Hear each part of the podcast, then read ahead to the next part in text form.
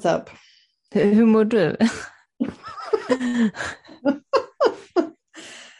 Jag mår bra. Alltså det är en eller två dagar tills min, eh, tills min cykel börjar om igen. Så jag är Mm. 100 procent väldigt rätt, lättretlig. Och eh, väldigt så allmänt irriterad. eh, annars är det väl ganska bra. Jag har suttit här nu hela förmiddagen och bara tänkt på och varit så medveten om alltså hur keff våran värld är. hur upp och ner allting är och så, alltså hur, alltså hur ska det gå för oss? Ja, jag förstår. Alltså man har ju sådana där dagar. Ena dagen kan det vara så här, love and light. Vi är på väg mot eh, 5D typ. Ja, Och andra dagar bara, nej men det blir bara skit av alltihop. ja, men alltså när, jag titt, när jag tittar mig omkring så tänker jag att alltså, det ser inte så bra ut. alltså, det, det ser inte så bra ut. Nej, alltså vi är ju mitt i det hela. Jag förstår ju vad du menar, alltså, så här, men vi är ju verkligen i smeten liksom, av allting. Det är väl en del av testet att så här, även fast det ser kaos ut så kan man ändå vara kopplad inom sig själv till något större och vackrare. och Sånt där. Ja, supposedly så är det väl lika mycket liksom, gott och positivt som händer samtidigt. Men sen tror jag också, alltså jag vet inte om det här har med att göra med att jag har liksom ett eh, Capricorn stellium att jobba med, så massor med planeter och jättemycket aktiva eller aktivationer av stenbockens tecken. Och det, alltså du vet, för att vara himla kortfattad då, skulle på något vis översättas till att mycket hård karma i det här livet. Eller så här, du vet, lite torrt, lite hårt, ganska strikt. Alltså det är ingenting som kommer så här jätteenkelt, utan det är så här the harsh reality av saker och ting. Och sen då, eftersom att jag har skrivit under på det som är reinkarnation och sådär, så tänker jag också att det är, kanske, det, är kanske, jag- det kanske är en plan här nu som ska sättas i verket under flera livstider. Så det är bara att spänna på sig tålamodet och vara så här, ja, det här livet är kanske nu då, ja, en sak. Behöver ju inte betyda att någonting ska vara klart snart. Nej, absolut inte. Alltså jag tänker oavsett om det ska vara klart nu eller inte, är man här och har den upplevelsen så finns det en liksom, värdefull poäng med det. Ja, visst, och även om det då också som vi säger, så här, medvetandet är på väg tillbaka och det frekvenserna går upp och jära, jära, jära. Så mm, alltså det är ganska mycket som står ganska illa till. Och så kollar jag på yngre generationer eller typ vår, vår, vår tids barn och sådär. Och jag tänker att det kommer, alltså det kommer ju ta några generationer till innan det här liksom vänds på rätt sida eller liksom innan det blir ordning på det här. 100 procent. Det kommer ta, det kommer ta några generationer. Alltså jag tänker så här, eh, de barnen jag har stött på som har kommit via mina vänner och släktingar i min ålder. Så jag umgås med dem och pratar med dem. Jag blir så otroligt hoppfull. För att de är så brighta och känsliga. Jättefina energier. Min kusins barn som är sex år. Hon liksom plockar skräp på gatorna för så här gör man inte mot naturen. Och hon har, hon har slutat äta kött bara för att hon älskar djuren så himla mycket. Ja, Och, då, och jag minns inte att jag var så när jag var typ sex, sex år. Så att jag blir så här, wow, de här för med sig liksom något väldigt fint. Och även när jag pratar med, det som var min kusin som är 19, hur bright, medveten och smart som helst. Och inte på ett woke sätt utan på ett genuint andligt sätt. Och det ger mig jättemycket tröst och så här, tilltro till de yngre. Jag sneglar nog mer snabbt på de äldre generationerna där jag blir så här, hur kan ni ha låtit det här gå så här långt? Det är ni som har lagt upp för det här. ja, jag håller nog med. Eller jag tror att du har rätt. Jag kan också känna, eh, men, alltså jag kan också känna då ett förakt liksom mot de som har varit här ett tag och så här, vad, alltså hur har ni ställt till med typ? Eller hur, Mm. hur, kunde ni, hur kunde ni bara låta det här hända, typ min generation och så där? Eller hur kunde det bli så här? Ja. De yngre generationerna, å ena sidan då så är jag också väldigt förhopp alltså förhoppningsfull, säger vi så, väntansfull och så vidare. Å andra sidan så är jag så här, life has not happened to them yet. Du vet, vem vet liksom vad som sker eller hur de blir när de är när de blir äldre. Eller du, men å ena sidan så är jag också så här, sen ja, the big shift, du vet, borta i 2012. Alltså sen dess, vad jag förstår, så det är liksom jättemycket barn som har fötts och kommer in, som du säger, med extremt höga, eller relativt sett då med liksom hur det har varit i, i ehm, men nutida historia kanske man säger, så kommer de med höga frekvenser och nya energier. De liksom kommer verkligen med någonting nytt och positivt och upplyftande för, för oss alla.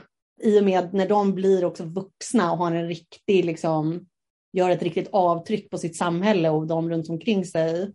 Alltså det skulle potentiellt kunna vara supertoppen.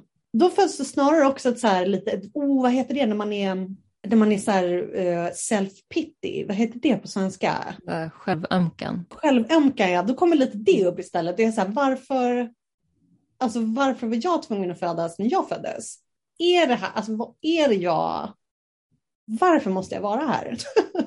ja, alltså jag, jag har ju också sådana där dagar när man verkligen inte så ser poäng i det, men sen kan jag ha, för att jag ska, eller jag har precis avslutat min cykel nu, så jag, jag är ju så här, vilket äventyr, typ så här. Och, så, ja men så här, vilken utmaning egentligen. Och det är en utmaning att, att bara kunna se igenom det som sker. Jag menar, jag kan ju snegla på dem som inte ser igenom vad som sker och vara nästan lite avis. Gud vad, vad lätt det vore om någon auktoritet bara kunde säga åt mig vad jag ska tänka och tycka. Då slipper jag liksom gå emot strömmen. Typ.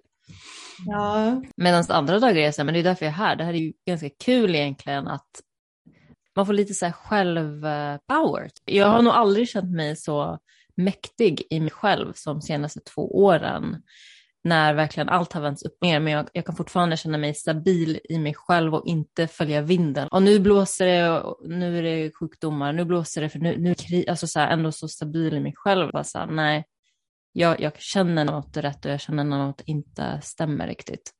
Ja, jag tycker det är så roligt hur du säger att nu den här stunden i din cykel så känner du bara som vilket äventyr.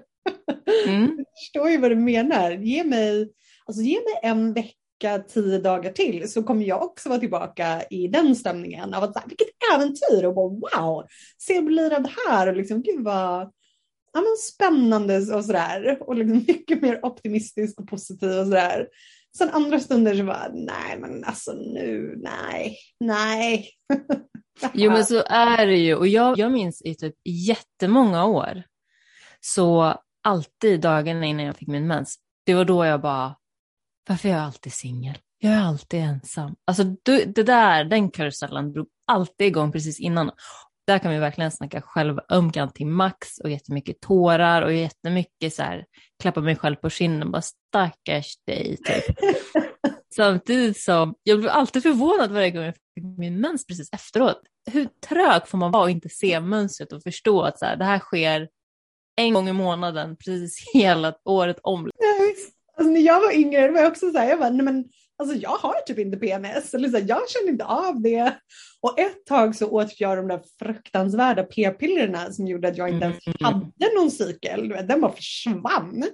Vilket i sig är ett extremt trauma. Och sen ja, det är jättesjukt. Alltså det där är sjukt, men ja, fortsätt. Det, alltså, ja, vi skulle kunna spinna iväg på det, det är verkligen sanslöst. Men jag kommer ihåg när jag var yngre, det var så mycket annat. Jag rökte cigaretter, drack en massa alkohol. Och då var jag så här, nej men ja, vadå PMS eller det, va? Nej, nej. Och nu då ser jag också så här, ja, ja men då här är vi igen. Alltså, och jag, även fast jag rent logiskt och rationellt vet om att så här, det, här, det här är ju bara nu. Eller det är bara, nu är det, den, nu är det dags igen. Så är ju, du vet, känslan är högst verklig, eller den verkar verklig. Och det är väl här någonstans vi gräver i det, liksom essensen av att bara vara kvinna. Ja men verkligen. Och sen så tänker jag att när man pratar om PMS väldigt ofta så är det som att så här, ja men du, du reagerar sådär starkt för, för det är massa hormoner och sånt. Men jag, jag har alltid tänkt att PMS verkligen drar upp från så här, långt djupt där inne, det man faktiskt behöver titta på. Det är de dagarna man verkligen säger så här, vad, vad är det aktuella problemet eller strulet i systemet just nu?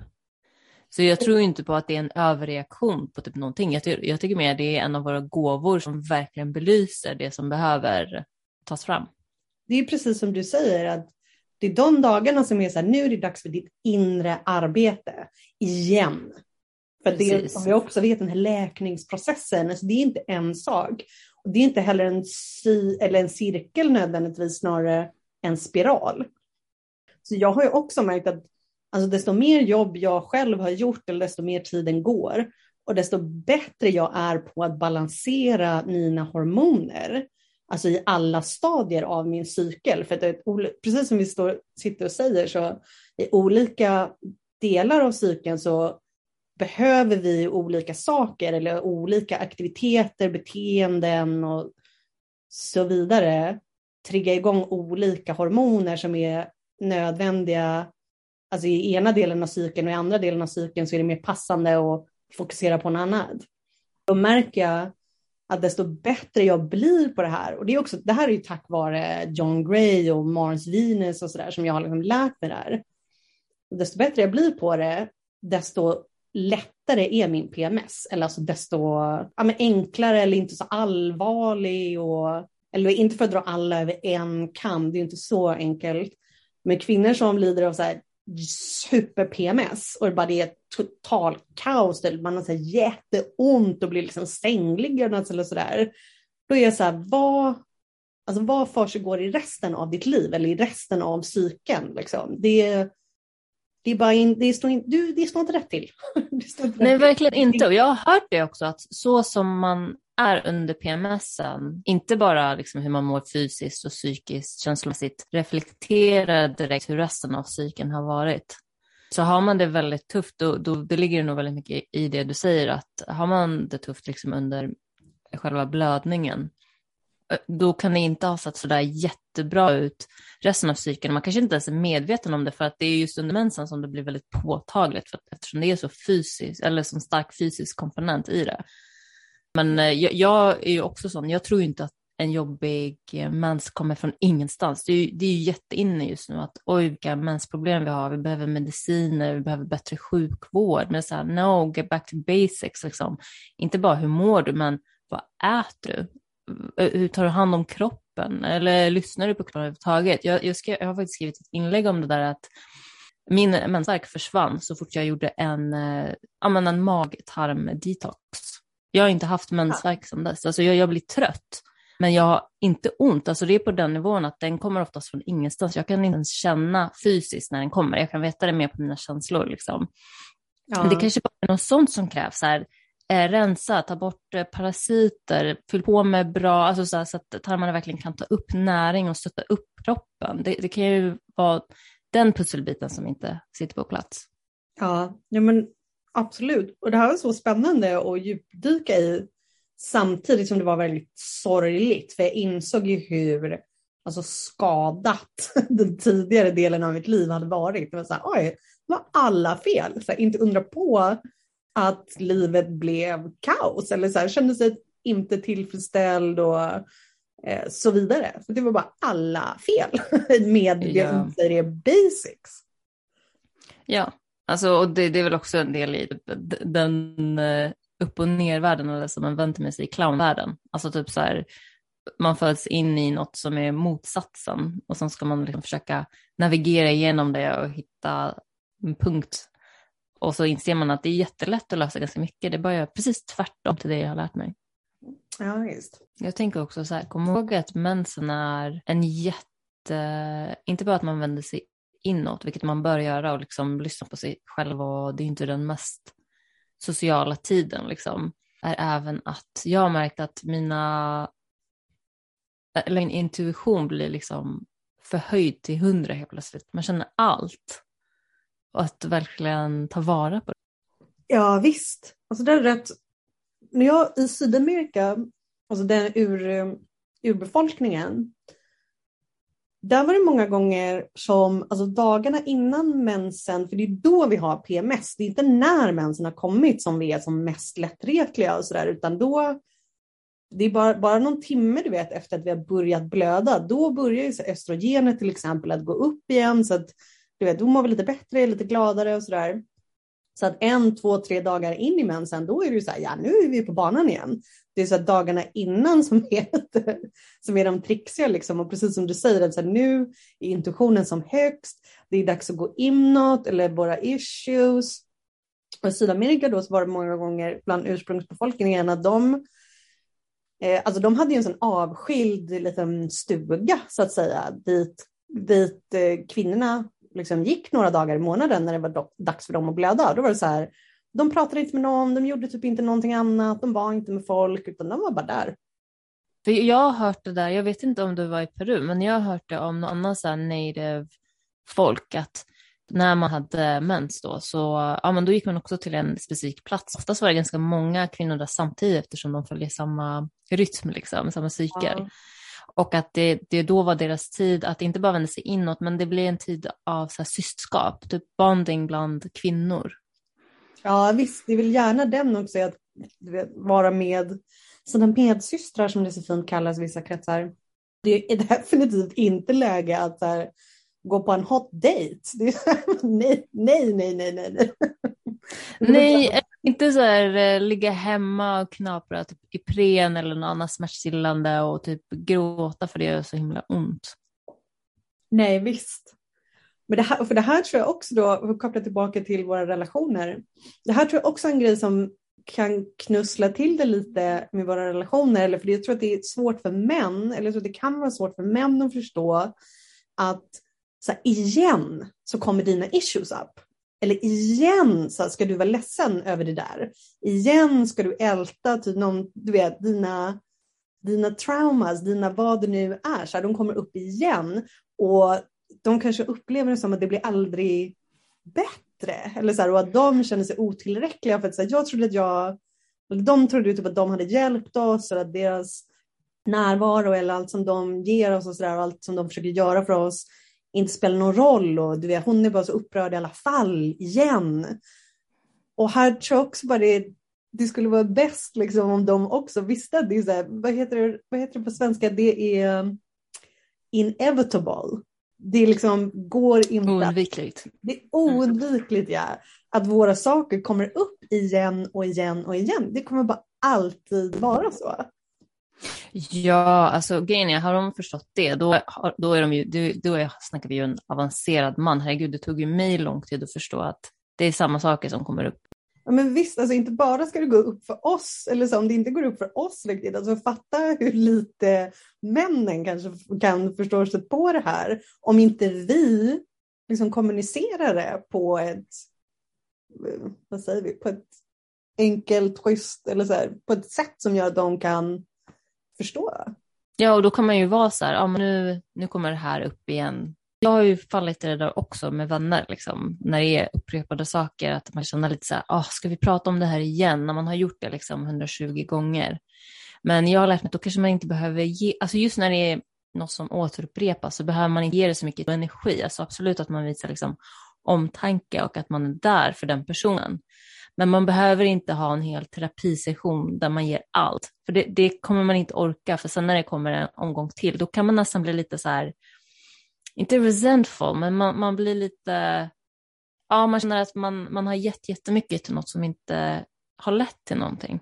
Ja, lite trött, lite otålig, lite, ja visst, jag förstår precis vad du menar. Och så skulle jag vilja lägga till också att om man nu inte har sin mens eller sin cykel av någon anledning, så det är fortfarande, om du är i en kvinnlig kropp liksom, så är du fortfarande högst kopplad till de här cyklarna. För den större cykeln som vi liksom eh, går igenom på någon slags av mikrokosmos här nere i våra kroppar, det handlar ju alltså om månens cykel. Så att om du av någon anledning nu inte har din cykel eller mens, liksom för att du eh, har något P, eh, preventivmedel eller liksom efter klimakteriet, det kan ju vara hur mycket saker som helst. Så kan du fortfarande alltså beräkna att du har en hormoncykel som går i takt med månen. Så att när det är nymåne, det kan alltså räknas som dagen då din mens börjar, eller din nya cykel börjar. Och vid fullmåne så är det liksom ägglossning och vi är vid piken. Och sen sakta neråt igen, dagarna precis innan nymåne. Det är det som vi pratar om att så här, ah, här är jag, jag är lite PMSig liksom, och nu börjar det strax om igen. Från det jag har lärt mig, då är det typ så här att antingen så har man, som du säger, att eh, man börjar cykeln vid nymånen och sen när det är fullmåne då har man ägglossning. Och att det är så för ungefär 70 procent av alla kvinnor och 30 så är det tvärtom. Så att man, eh, och beroende på om man har ägglossning när det är fullmåne eller nymåne, det är lite så olika faser. Så, ofta, så här, om, man har, om man är en sån som har ägglossning när det är fullmåne, då, då, är man i en period i livet där man är mer så här, utåtriktad och mer eh, ja, men ute i världen. Medan har man ägglossning när det är nymåne, då har man en period där det är lite mer så här paus, lite mer inåt och återhämtning och sådär. Och det är så häftigt för att under tiden jag läste om det, då var min mens, den liksom skiftade från att jag hade ägglossning på nymåne och sen så började den liksom ställa om så att jag sen fick ett fullmåne. Och det, det var en ganska jobbig period för då fick jag mens i princip var tredje vecka och vissa gånger mindre för att den liksom ställde om mycket. Ja. Och sen hamnade jag där, där det, liksom, det var ägglossning vid fullmåne och då så stannade den där. Och det var verkligen så här, då jag gick i, jag hade haft typ ett och ett halvt år i alla fall av bara så här, vända mig in och ta min tid, försöka klura ut saker och sen när jag var redo att liksom börja go for it så skiftade den. Ja, det där är himla spännande. I olika faser av livet kan det se lite olika ut. För jag tycker inte heller, för det här har jag märkt i många eh, av de här hokus pokus kretsarna där jag rörde mig lite grann att eh, vi, får en, eller vi får idén om att vi ska, du vet, våra, vi ska, vår cykel ska liksom matcha med månen på ett eller annat sätt. Och vissa stunder så kan det ju vara precis så. Men då ska vi också komma ihåg att för att cykeln liksom ska matcha så här, månen, då måste den ju liksom alltid vara typ precis 28.5 dagar lång. Och vissa har lite kortare cykel, andra lite längre och sådär. Så det blir ganska svårt att alltid så tajma ägglossning, fullmåne, nymåne, mens och sådär, utan att följa månens cykel och se det som liksom, ja, den börjar, att det börjar om vid nymåne och pika vid fullmånen och sådär. Det skulle jag snarare tycka är att rekommendera om man nu inte har sin egna cykel av någon anledning. Cykel, då liksom, lys, lyssna på din egna kropp då och sen har vi månen ja, den har vi här bredvid liksom, som något typ av kollektivt undermedvetet. Ja, men det är bra. Det är bra sätt att se det på och hålla koll på. Ja, visst. Jag har också haft sådana där stunder när det var så här, wow, nu har jag nu är jag ägglossning liksom något halvår i rad varje fullmåne och sen började det skifta och det här beror också lite på då vad man har, vad vi har för livsstil. För ett tag så hoppade jag ganska mycket fram och tillbaka, du vet, så här, det var i Sydamerika, sen så var jag i Sverige några månader och sen var jag där borta igen och det var så här wow! vart, vart i världen är vi?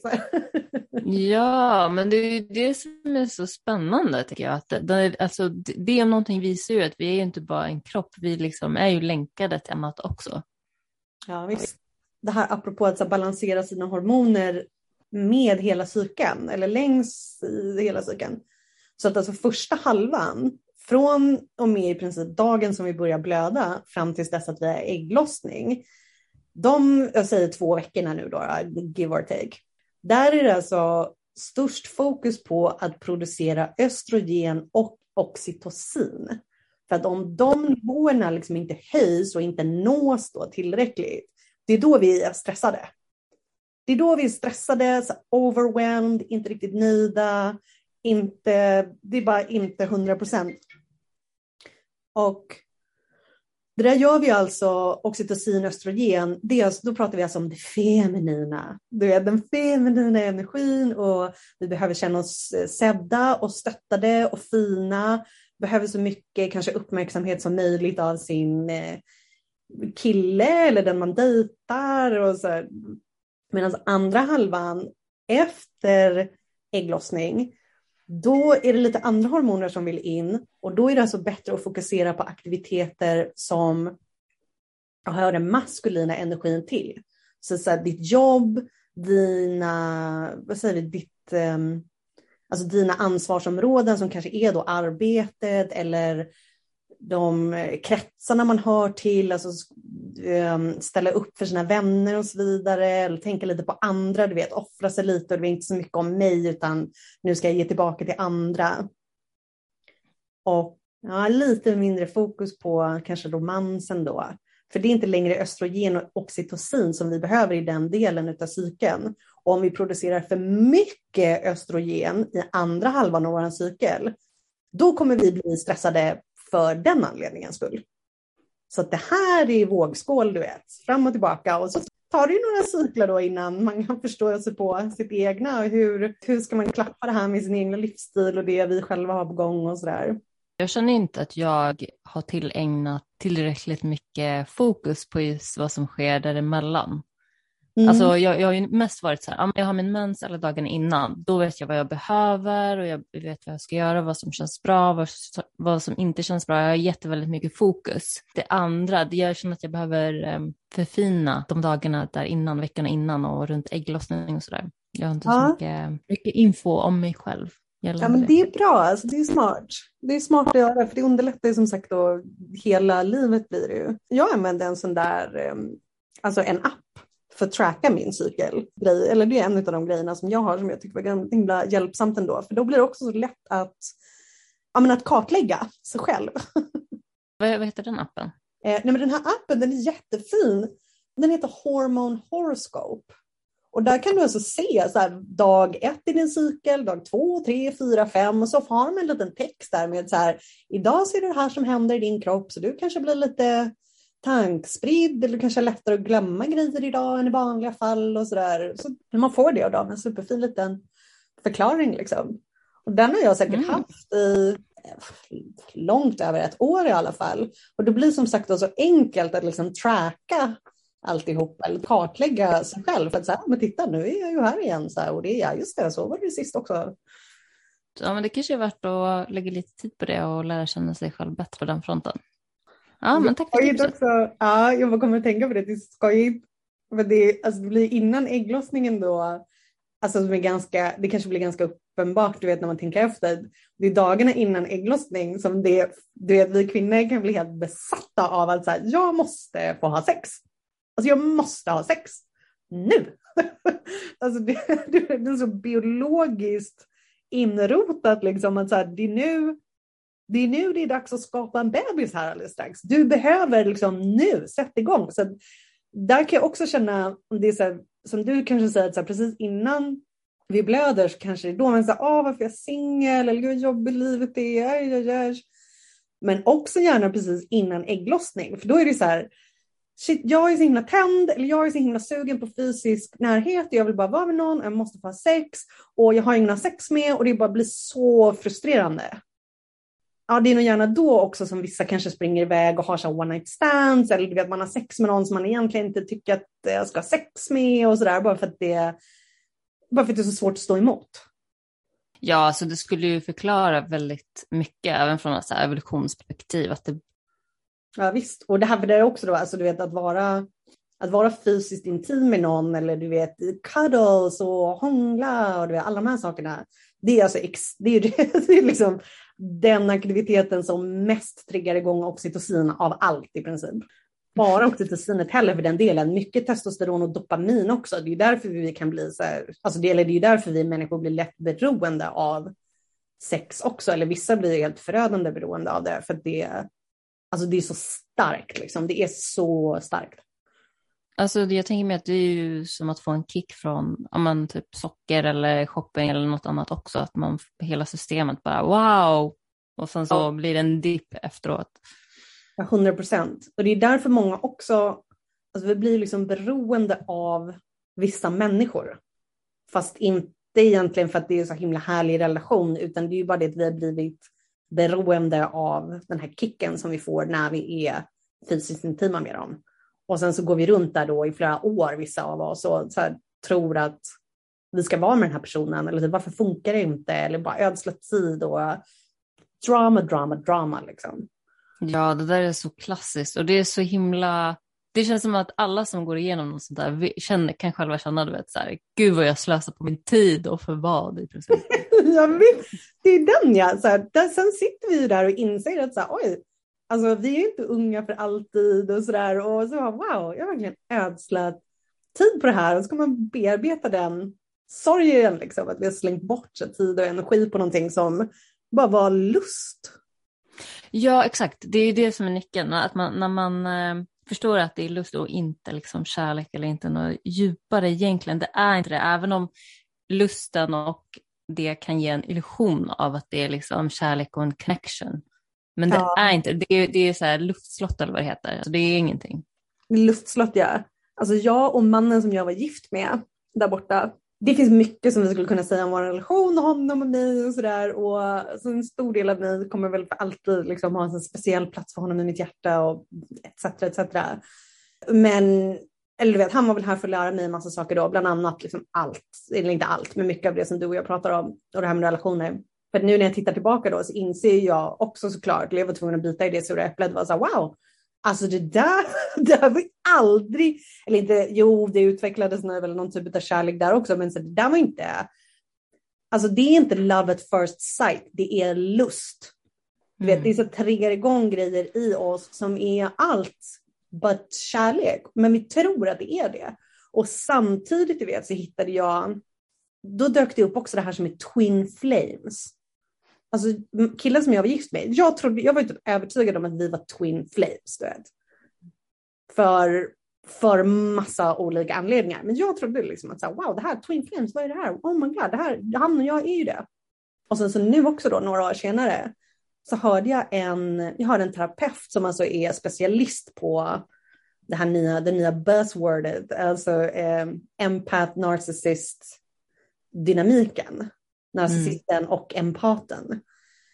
Hon hade då fått höra från någon av sina klienter att så här, twin flames, liksom. okay, så hade hon gått och googlat det. Och hon sa att hon började nästan gråta när hon läste det som hon fick upp på Google när hon googlade twin flames. För hon var så här, det här är i princip alla, alla punkterna på en beskrivning av alltså den narcissistiska och den empatiska dynamiken eller de relationerna. Hon bara, det här är exakt vad det är. Jupp. Alltså jag, jag tycker hela Twin Flame-konceptet har spårat ut på ganska många nivåer. Ett är att jag tycker det är jätte... Ja, men jag tycker det är jättejobbigt att se, speciellt i den spirituella, community, spirituella communityn, där det är oftast ganska många som är lite vilsna, man, försöker, man har snubblat in på det spåret för att man försöker hitta sin väg, man kanske inte haft det så lätt och sådär. Och så kommer liksom det här svaret av att det finns någon som kommer göra jättelycklig, som är speciellt för dig. Bara där är det så här, it's a trap liksom. Och sen är det så många har jag sett, jag tycker om att lyssna på dem mest ur så här underhållningssyfte från ett psykologiskt perspektiv, som är typ Twin Flame-experter, där det är så här, jag hittade min Twin Flame, köp den här kursen så hjälper jag dig hitta din. Och det de säger är, det är ju jättemycket så här, det ligger ju säkert bra poänger i det de försöker förmedla såklart. Men jag tycker också att någonting med det hela känns väldigt eh, dysfunktionellt, är nog rätt ord jag skulle beskriva det som. Super, det är superdysfunktionellt och alltså, nu så finns det en hel kultur bakom det här och det är liksom big business, precis som mm ayahuasca och yoga. Och så, alltså, det är big business nu för tiden. Och de utnyttjar oss. Alltså de, de utnyttjar oss, liksom. de, vill ha våra, de vill ha våra pengar, vår energi, våra fokus. Alltså då är vi tillbaka dit jag alltid det jag alltid kommer tillbaka till att säga the energy vampires. alltså the dark side of the force. Nu är vi mm. tillbaka där. Det är liksom det är bara deras senaste trick i princip. För de vet ju också att nu för tiden så vill ju inte vi längre ha de här, alltså vi vill inte ha de här gamla standardiserade eh, traditionella relationerna utan men, alltså människor nu för tiden, vi kräver ju mer av våra kärleksrelationer. Vi vill inte bara ha någon som fyller en roll utan vi vill ju ha en själsfrände någon där vi kan vara 100% oss själva med och liksom dela allt och de ska hjälpa mig att ta mig till nästa nivå och sådär. Och de, alltså, fienden vet om det. Och det här är mm. deras senaste trick liksom, för att se till att vi hamnar på villovägar. Jag tänker så här, det, det, det, roliga blir ju att det är så här, vi vill inte följa det traditionella, det gamla, Eh, den gamla strukturen av romantiska relationer. Men man inser inte att det blir typ samma sak fast i annan skepnad. För när man pratar om Twin Flames, jag menar hur, hur mycket info finns det inte om att det kommer gå igenom de här tre stegen. Det kommer kännas så här och så här och så här. Då är det ju också så här att man checkar av en lista, precis som man har gjort innan, men det är bara lite andra kriterier i princip. Ja visst. Och alltså jag kommer ihåg, jag kommer ihåg då, för det är ju mycket så här, en av de stora grejerna med the twin flame dynamic är ju, det är ju att den ena eller den andra är så här otillgänglig.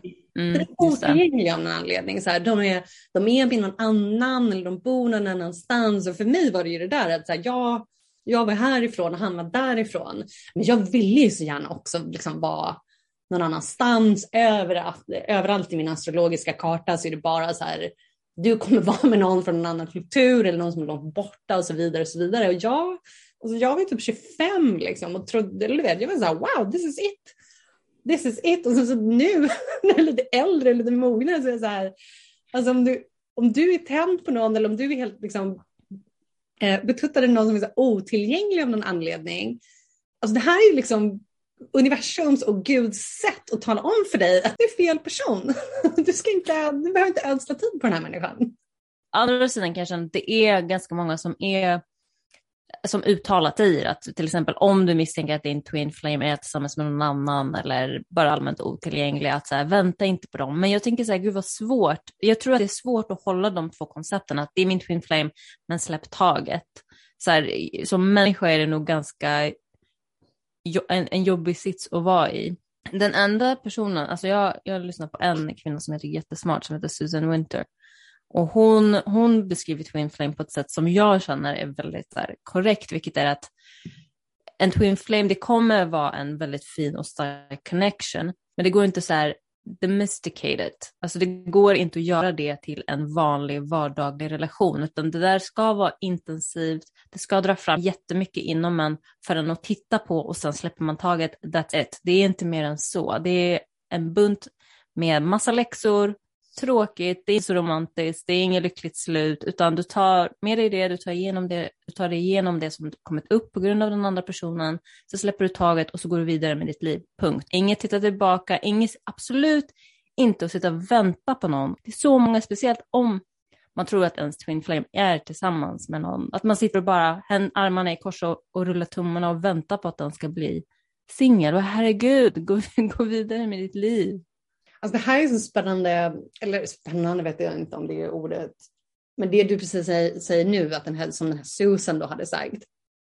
För att om, om vi skulle beteckna Twin Flames på det sättet, eller om det är det som Twin Flames är, alltså då är ju mitt ex min Twin Flame. Förstår du? Då, ja. alltså, då är det ju liksom i slutändan ändå sanning alltihopa. Det var bara så, alltså, det var så jobbigt att komma ur det så att säga. Eller du vet, wow vad det Wow, vilken resa. Men nu är jag ju som sagt här och där jag, här, där jag är, alltså det är ganska, alltså jag är inte upplyst än, men det är ganska hög frekvens ändå. Ja, och då, då är det ju så ett godkänt tecken. Jag älskar när man kommer till en punkt där man kan kolla tillbaka på en relation som inte har varit så bra och ja, som dragit upp massor och man kommer till en plats där man kan känna så här, gud vad jag, vad jag är tacksam för det där. Jag har fortfarande vissa där jag känner så här, nej, du var asshole liksom. Ja, men det håller jag med om. Vissa, vissa kan också känna att det, bara, det här var bara nej. Tack för idag Emily. Tack för idag Nusaiba. Vi lämnar det så.